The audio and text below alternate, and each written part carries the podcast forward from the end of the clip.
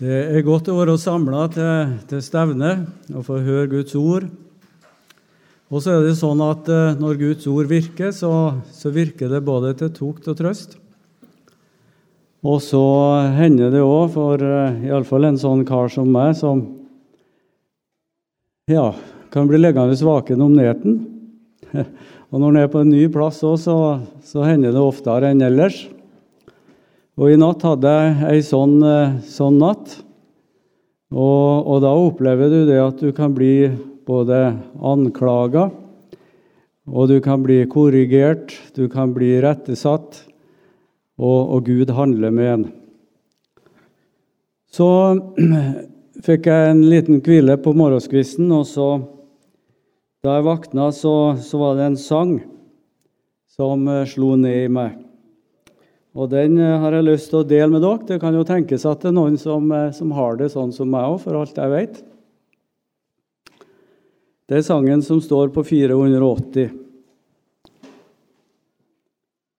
Det er Per Nordsletten, som var en, eh, en prøva mann.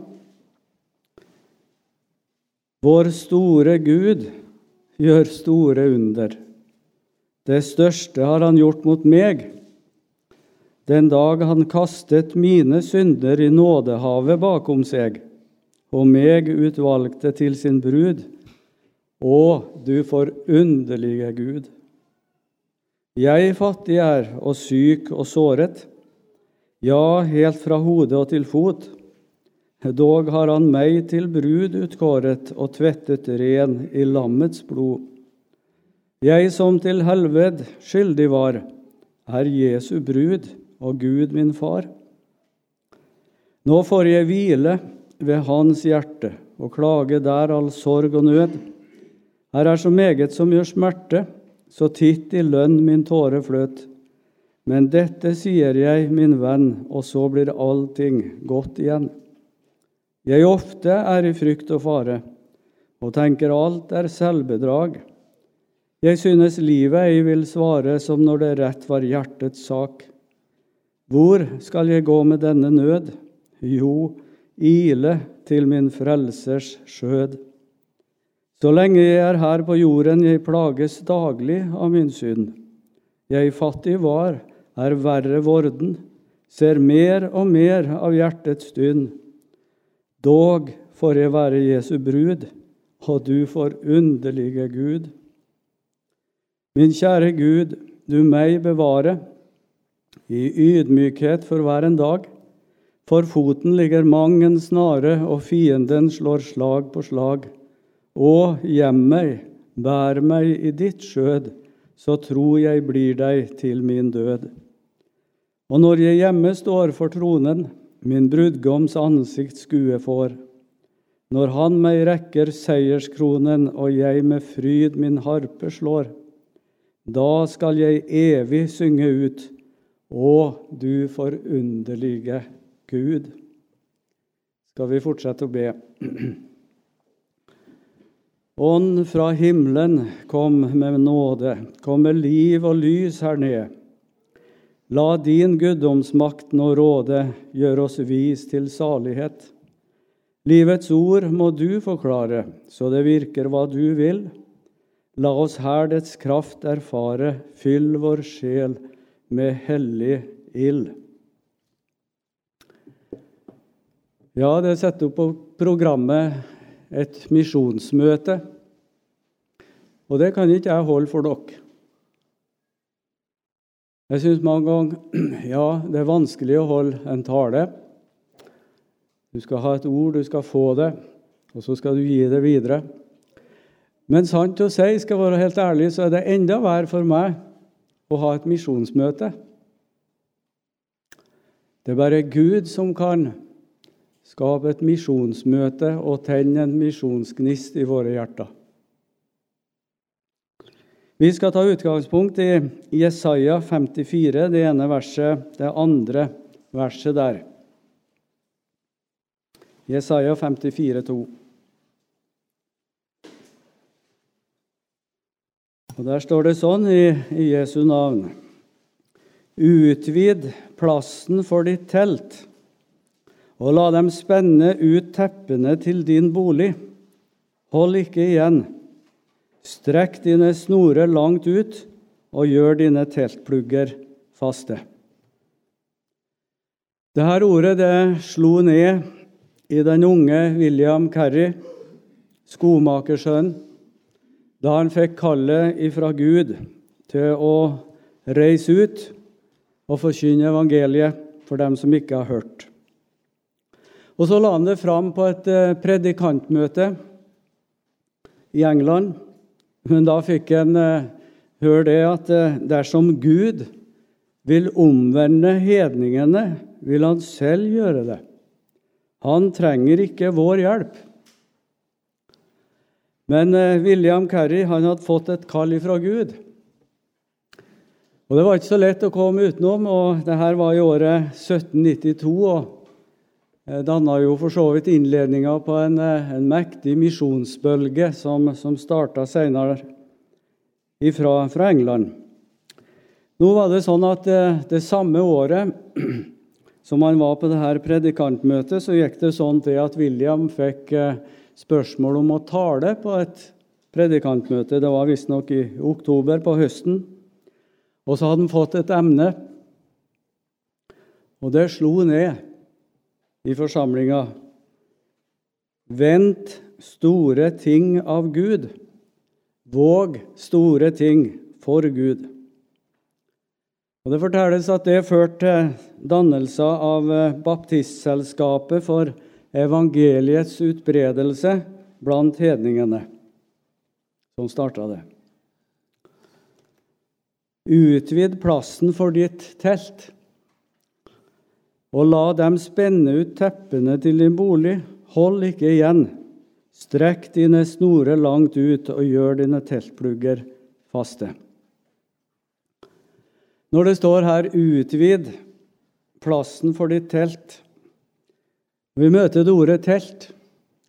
Bare det er en, en tale i seg sjøl, for det minner oss på at vi er pilegrimer på vei imot et bestemt mål. Abraham bodde i telt. Vi taler om å ha løse teltplugger og leve for, for Jesus. Ha blikket retta imot Sion, sånn som det står i Jesaja 33, vers 20. Se på Sion, byen med våre høytidsstevner.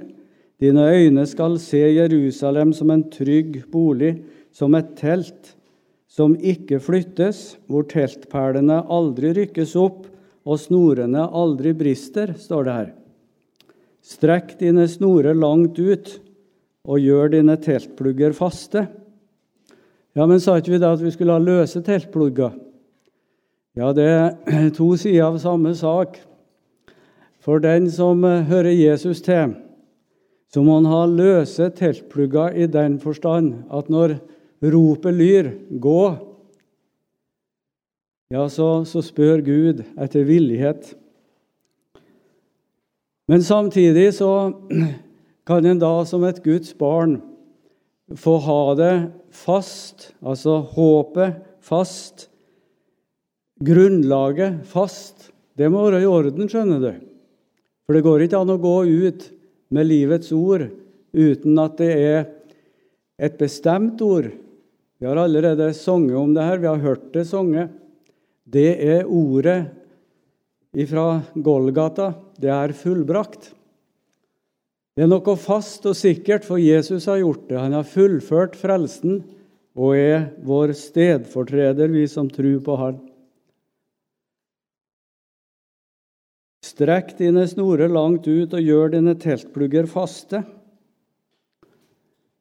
Det er ikke snakk om å å gro fast her i denne verden, og samtidig ha sitt ankerfeste i himmelen. Der må teltpluggene være fast. Og Så står det i hebreerne et uh, ord som lyr til oss, hebreerne 6, 1920. Dette har vi som et anker for sjelen, et som er trygt og fast og når inn til det som er innenfor bak forhenget, der Jesus gikk inn som forløper for oss, han som ble ypperste prest til evig tid, etter Melkisedeks vis. Ja, det er mye vi kunne ha sagt ut ifra det verset, men bare det her nå. Jesus har gått i forveien og er innafor forhenget som et ankerfeste for hver den som tror på Han. Og det, det må jeg få si, det har vært til usigelig stor trøst og hjelp mange ganger. Tenk, frelsen er fullført. Jesus har fullført og sagt det er fullbrakt. Og så er han innafor forhenget, og der skal du og jeg få, få gripe og holde fast på Jesus. Ja, og så grip han, synderen som er i nød. Det kan du være viss på. Han som er kommet for å gi sitt liv som løsepenge. For deg og meg, det var det han ønska. Og så skal du få ha ankerfeste der, innafor forhenget i himmelen hos Jesus, i forvissning òg om at han som er der, mellommannen, han er forbeder, og han ber for sine. Tenk det så er det han vi skal holde, få lov til å holde fast på. Da vi nå har så stor en ypperste prest, som er gått gjennom himlene, Jesus Guds sønn, så la oss holde fast ved bekjennelsen. Hebreerne 4, 14. Og Vi tar med også det 16. verset der i samme kapittel. La oss derfor med frimodighet tre fram for nådens trone, for at vi kan få miskunn og finne nåde til hjelp i rette tid. Frelsen er fullført, og i dag haster det med å bære det ut til dem som ikke har hørt. Det haster veldig. Det er kort tid igjen før Jesus kommer. Tida er veldig kort. Så sa jeg det at eh, misjon det må ha sitt utgangspunkt, sitt grunnlag, på Golgata. For det blir ikke noe misjonssinn og misjonsglød uten å ha kommet til tro på Jesus Kristus. Trua på Han. Og Når det videre her i det verset som vi leste, står om å spenne ut teppene til din bolig, så måtte jeg igjen gå til, til Ruths bok og lese om eh, moabittkvinna, hedningekvinna, som eh, det står om her i kapittel 3. Vi må ta oss tid til å slå opp der. For der står det noe om et teppe som ble bredt ut Eh, Ruths bok, kapittel 3, vers 4 skal vi lese nå først. Da er det svigermor eh, som sier det til Ruth. Gi, det, gi henne det rådet. Slå opp teppet ved føttene hans, altså Boas, som han løser, og legg deg der. Så vil han selv si deg hva du skal gjøre. De har jo kommet tilbake fra Moab, og vi kjenner historien. Eh, og hedenskapet i, Moab, det var en farlig plass å være. Men eh, etter ei tid etter at eh, både svigerfar til henne og, og, og, hennes mann og hennes svoger de var døde der i utlendighet. Det er en veldig historie. Et bilde på hvor farlig det er når en forlater brødhuset Betlehem, som de gjorde, og så bega seg på vei til Moab. Og så måtte Gud bruke forskjellig vis for å få dem til oppbrudd derifra. Og Noomi, svigermor, og Ruth var de to som kom tilbake til Betlehem. Og så møter de Boas, og så får eh, Ruth det rådet slå opp teppet ved føttene hans og legg deg der. Det er veldige bilder her. Ved føttene til han som er løseren. Ved Jesu føtter ei stille stund, synger vi. Et bilde på den som må til Jesus, med all sin nød. Sånn var det for henne. Og hun la seg ved føttene hans, står det i slutten av vers 7. Og så, når han våkner Boas, så, eh, så sier han i vers 9.: Hvem er du? Hun svarte, Jeg er Ruth, din tjenestepike. Bre teppet ditt ut over din tjenestepike, for du er løser. Og så svarer han, da sa han, velsignet være du av Herren min datter. Du har nå lagt enda større kjærlighet for dagen enn før, siden du ikke har gått etter de unge menn, verken de fattige eller de rike. Så vær ikke redd, min datter. Alt det du sier, vil jeg gjøre for deg. For alle som bor i byen, vet at du er en god kvinne. Det er sant som du sier, jeg, virk, jeg er virkelig løser. Men det er en annen løser som er nærmere enn jeg. Det var en slektning, men for meg så betyr òg den setningen det er en annen løser, en annen gjenløser, som er nærmere. Jesus han er den virkelige gjenløseren. Nå skal ikke vi bruke så mye tid på den beretninga her, men vi vet hvordan det gikk. Hun ble tatt til ekte skal vi si, uforskyldt av bare nåde. Og så ble jo Ruth oldemor til David, vet vi. Boas. Han ble oldefar til David. Vi forlater den historien, men jeg ville bare understreke at det her er et bilde på når Jesus kommer og så brer ut sitt nådeteppe over den som som ikke vet seg noe annet til frelse enn Jesus og ham alene.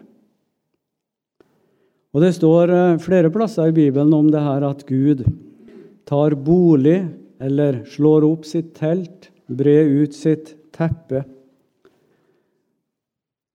Ja, det har med tiggerplassen å gjøre her. Er du kommet på tiggerplassen? Har du behov for nåde? Disse føtter vil jeg holde som min sjels den faste stavn. Mine hender vil jeg folde og deg tage i min favn. Det står en gammel, slitesterk sang fra ca. 1250. Arnulf Fold Løven. De søng det. Og Maria vet vi, hun fant sin plass ved Jesu føtter. Og det er der det begynner. Så fikk moabittkvinnen Ruth nåde og frelse gjennom gjenløseren. Hun fant sin plass på tiggerkrakken, om vi skal si det sånn, og dit vil Gud ha oss. Og Så står det et fint og underlig ord i denne sammenhengen òg, kan vi si. De kaster lys over det iallfall, i Johannes 1, 14. Og ordet ble kjød og tok bolig. Han slo opp sitt telt iblant oss. Han ville bo iblant oss. Ja, han som bor i det høye og hellige, han som er den hellige Gud. Og så står det samtidig om han at han vil bo i det lave, det som ingenting er. Det som er fortapt. Der vil nå bo. Ikke store ting. Det er den Guds sønn som er en enbåren sønn, full av nåde og sannhet. Og så ønsker han å ta bolig hos deg og meg. Ja, det er frelsens under som skjer da. Tenk å få fred med Gud, en god samvittighet, og komme i et fredsforhold, barneforhold. Og så spør jeg igjen, du som har opplevd det, må ikke du gå videre med det til andre som ennå ikke har hørt? Kan vi la være å gå videre. Det er kanskje farlig å si det sånn, men jeg har formulert her en setning jeg tror jeg må, må ta med. Der misjonstrangen mangler, der mangler livet i Gud. Der mangler livet i Gud. Det må videre. Det sprenger alle grenser. Og så blir du satt i brann. Og så er det ikke du som driver ordet fram, men det er ordet som driver på utsendingen. Du kommer ikke utenom det. Og Så skal jeg ta tid til å, å si litt om eh, arbeidet til såmannen i, i Sør-Amerika. Eh, det er jo en egen stiftelse både i Peru, Arequipa, og i, i Bolivia, i byen Sucre. Litteraturarbeid. Eh, og eh, godkjenninga kom jo i 2015 i Peru. Og så fikk vi avslag i, i Bolivia, vet dere kanskje. Jeg har jo nevnt noe av det før. Og vi måtte sende en ny søknad, og så fikk vi det rådet at vi skulle sende en søknad om å få det godkjent som en misjonsbevegelse eller misjonsorganisasjon. Og Det høres jo veldig rart ut når en fikk avslag på å drive med litteraturarbeid, og så skulle du da få lov til å, eh, å begynne med et misjonsarbeid enda bredere, der litteraturen bare skulle inngå som en del. Og så skjedde det forunderlige at det kom godkjenning etter forholdsvis kort tid. Og jeg tror det var Gud som styra det sånn. For der i, i, Bolivia, for å si litt om det først, da, så kom vi etter hvert i kontakt med tre personer som nå per i dag står på lønningslista til, til sommeren, og støtta av Lekmannsmisjonen. Eh, og det viser seg det at de her tre medarbeiderne dem hadde Gud arbeidet med på forhånd. Så var som lagt i vår vei. Og Jeg kan fortelle om han ene, som heter René. Han kom til kontoret fordi han har hørt at vi har gitt ut den boka som eh, vi kaller Husanlagsboka her av Rosenius. Og så er det en av de andre medarbeiderne, hun Elvera, far til hun Rebekka, som gikk her på bibelskolen for en par år siden. begynner det vel å bli, ett og et halvt år. Og så, når han fikk denne boka, så det han fortalte meg etterpå, han René Jeg tok imot den boka ganske sånn eh, pliktskyldig, skyldig, som det heter. Av plikt. For jeg tenkte nemlig det at det her er som en hvilken som helst annen bok, og jeg har jo fått så mange bøker opp gjennom tida, og så har det liksom ikke gitt meg noen ting. og Det er så sjelden du kommer borti ei god bok. Men han tok meg hjem, og så begynte han å lese. Så fikk han et underlig møte med, med, Gud, og så kom han tilbake og så sier han, ja, men det her er jo akkurat det som jeg har venta på. Det her er jo det som jeg kunne ja, tenkt meg og fått mer lys over. Det var mye som var uklart. René, men jeg kjente i min ånd sånn med en gang at her fikk jeg svar. Og så fant jeg hvile ved Jesu fot. Det var underlig når han kom tilbake og fortalte det her. Og så gikk det et halvår til, og så eh, var landsstyret her med og bestemte at han skulle få halv lønn resten av det året. Og så etter hvert så fikk han full stilling. En medarbeider som har en brann. Og På årsmøtet så fortalte jeg om han at han har vært gjennom to store kriser. Først en trafikkulykke. Og så fikk han korona og var så alvorlig syk at han trodde ikke han skulle komme over det. Og så Etterpå så sier han tenk om jeg kan få noen arbeidsår nå for Jesus og være med å bringe evangeliet ut. Litteraturen er, er plogspissen i arbeidet. Det var sånn det starta, som et kall. Å få trykt så mye som mulig på så kort tid som mulig, for det aner oss at det er mørke skyer i horisonten. Dere som har fulgt med litt på nyheter, og, eh, og jeg har jo formidla noe fra tid til annen om situasjonen i Bolivia, der eh, det er marxist-leninisme som rår nå. Og det er liksom en bølge som skyller over flere av landene i Sør-Amerika. Eh, det starta vel kanskje, rett å si, i Venezuela, dere som har fulgt med litt. Og de kristne lir. Så opplevde vi når Marit og jeg var ute det her halve året Vi, eh, vi fikk være i Bolivia mest, og, og litt i Peru. Jeg kom igjen i, i mars i, i 20. Da opplevde vi at Argentina fikk et sånt styre. Og så ble det valg i Bolivia. Der ble det en interimspresident som var kristen, baptist, kvinnelig. Men hun hadde ikke sittet så lenge. Eh, det ble jo utsatt valget da, pga. at eh, koronaen kom. Og så skjedde det at eh, sosialismen kom tilbake. Det samme partiet skjønte en annen president. Tolv års fengsel for å forkynne evangeliet til nye, eller verve nye medlemmer, som det står forslaget til loven. Tolv års fengsel inntil det kan du få hvis du ansetter nye medarbeidere, enten nasjonale eller misjonærer. Loven har ennå ikke gått gjennom. To ganger har de prøvd å få fremma det. Enda er det ei åpen dør, men vi vet ikke hvor lenge. Fylkestingsvalget som, var, eh, som kom rett etter presidentvalget, pga. at det var utsatt pga. koronaen. Da. da opplevde sosialistene at de mista tre fylker. Det er ni fylker til sammen i Bolivia. Og de hadde makta i seks, flertall. Men ved det siste valget så fikk de bare tre. Det var i en gruvelandsby og så i eh, et fylke, eller område, da, omegn. Og så var det eh, der som eh, den forrige presidenten, han som liksom har starta hele denne bølga, om vi kan si det sånn, ideologen bak alt, der han kom ifra, der beholdt de flertall.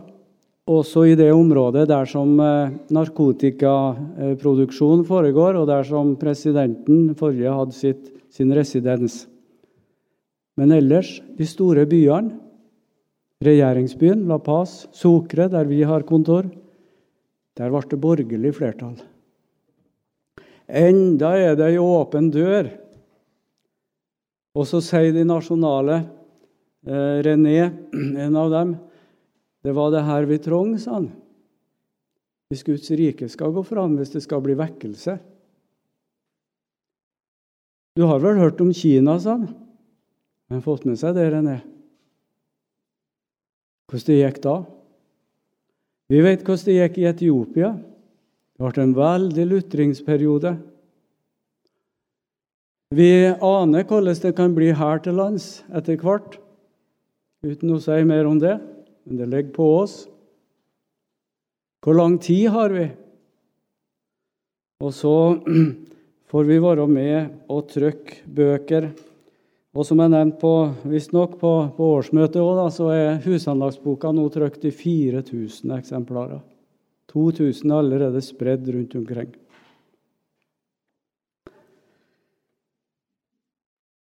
I eh, Peru så var det òg valg. Eh, og det var etter at jeg skrev rapporten til, til årsmøtet. Og der òg kom det inn den samme ideologien. En president som Ja, der var det så mange eh, kandidater, så eh, han eh, som da til slutt ble president, han hadde bare 16 av stemmene i første valgomgang. Og hun som eh, fikk mest, 18 hun var datter av eh, en tidligere president som eh, tok oppgjør med, med terrorbevegelsen Lysende sti. Eh, Sendero Luminoso i sin tid. Så hun var regelrett motpol til han marxist-leninisten som ble valgt. Og han fikk 50, hvis jeg ikke tar feil nå, 0,025% av stemmene i neste valgomgang mellom dem to. Tilsvarende tall i Bolivia da de kom tilbake igjen etter denne interimsperioden. Og så spør vi oss hvor lang tid har vi Og så er det åpne dører. Og så er det en som eh, jeg kjenner veldig godt. Han har vært på besøk i Norge òg. Besøkte oss i, i Mosvik og var med på møtet der. Lærer ved det teologiske seminaret i Arekipa. Han sier det. Du skal være klar over det, Ingar, at Peru Det er et av de mest unådde land for evangeliet i Sør-Amerika. Enorme områder i fjellheimen der det ikke omtrent har vært misjonærer. Det må dere tenke på, sier Ja, så har vi blitt ledet inn i, i arbeidet i Bolivia. Der er det, det er rett å si at det er flere, tror jeg, og ifølge statistikken, som er nådd der. Men så, så spør jeg de disse medarbeiderne en dag vi, vi var samla til, til, andakt på kontoret. Er ikke sånn nå at alle snart har måttet ha hørt evangeliet? De hører jo på radio, nyheter, fjernsyn. Og, og så svarer en av dem, du Ingar, du må forstå det at det er et falskt evangelium de har hørt. Det er lovtrelldom, det er gjerningskristendom. De har jo ikke hørt det frie evangelium, det som er bygd på, på det Jesus har gjort. Så her er det mange områder enda, og særlig blant Quechua-folket. Hvis jeg ikke tar helt feil, så er det rundt 32 millioner innbyggere i Peru. Eh, du får forskjellige opplysninger alt etter hvor du søker hen. I Bolivia så er det 12 millioner. Eh, Peru er nesten fire ganger så stort i areal som Norge.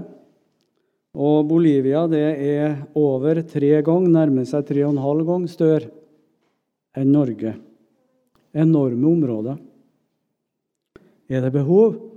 Ja, det haster. Det fortelles at det er seks millioner ca. quechua-indianere, den andre stammen aymara. Og de er fordelt fra Ecuador i nord Eh, Peru, Bolivia og, og, helt ned til Argentina. Og delvis Paraguay. Og så har det blitt lagt på oss å trykke så mye vi klarer av quechua-litteratur. Og dere som eh, møtte Rafael Veisaga, 80-åringen som var med på møtet her, dere vet han står i det arbeidet. En språkmann, 82 år nå og leser korrektur på bøkene. Og det siste det må jeg fortelle før jeg skal vise noen bilder her. Det er bare noen få. Sånn at dere får et lite glimt av de her personene jeg snakker om, og, og likeens det byggeprosjektet i, i Sokre. Ja, det siste som de har begynt med nå, som vi har blitt enige om, det er å trykke den første andagsboka på Quechua overhodet som vi kjenner til og det er den lille husandagsboka av Rosenius. Og så er veiledning til fred trygt og spres rundt omkring nå. Det er underlig å tenke på. Hvilken plan har Gud med det? Tenk oss å trykke bøker av Rosenius, han som levde på midten av 1800-tallet. På spansk og på quechua ja, mon tru hva han hadde sagt sjøl, Rosenius, hvis han hadde fått hørt om det. Og bøker av Wisløff, ikke minst den boka eh, Martin Luthers teologi, som tar oppgjør med den katolske lære. Det var prester i, katolske prester i Lima som, eh, som ba om å få en forsendelse med, med de bøkene, og vi sendte frimodig. For de har hørt det av omveier at det var skrevet ei bok om katolisismen, et oppgjør med den, og det bruddet som kom med Luther. Og så var det en av våre medarbeidere i, i Peru som, eh, som, var innom der etterpå i den bokhandelen, og så fikk han treffe en kar som sa det. Han var en, eh, en leder. Når sant skal sies, så er det her den boka som på beste måte gjengir akkurat det som vi katolikker står for. Og det noteapparatet det er jo helt spesielt. Der kan vi gå tilbake til kilden og lese boka til Wisløff. Og jeg skulle ha forunt Wisløff å, å høre det, men han, han har vel mye annet å glede seg over. Dette får vi være med på.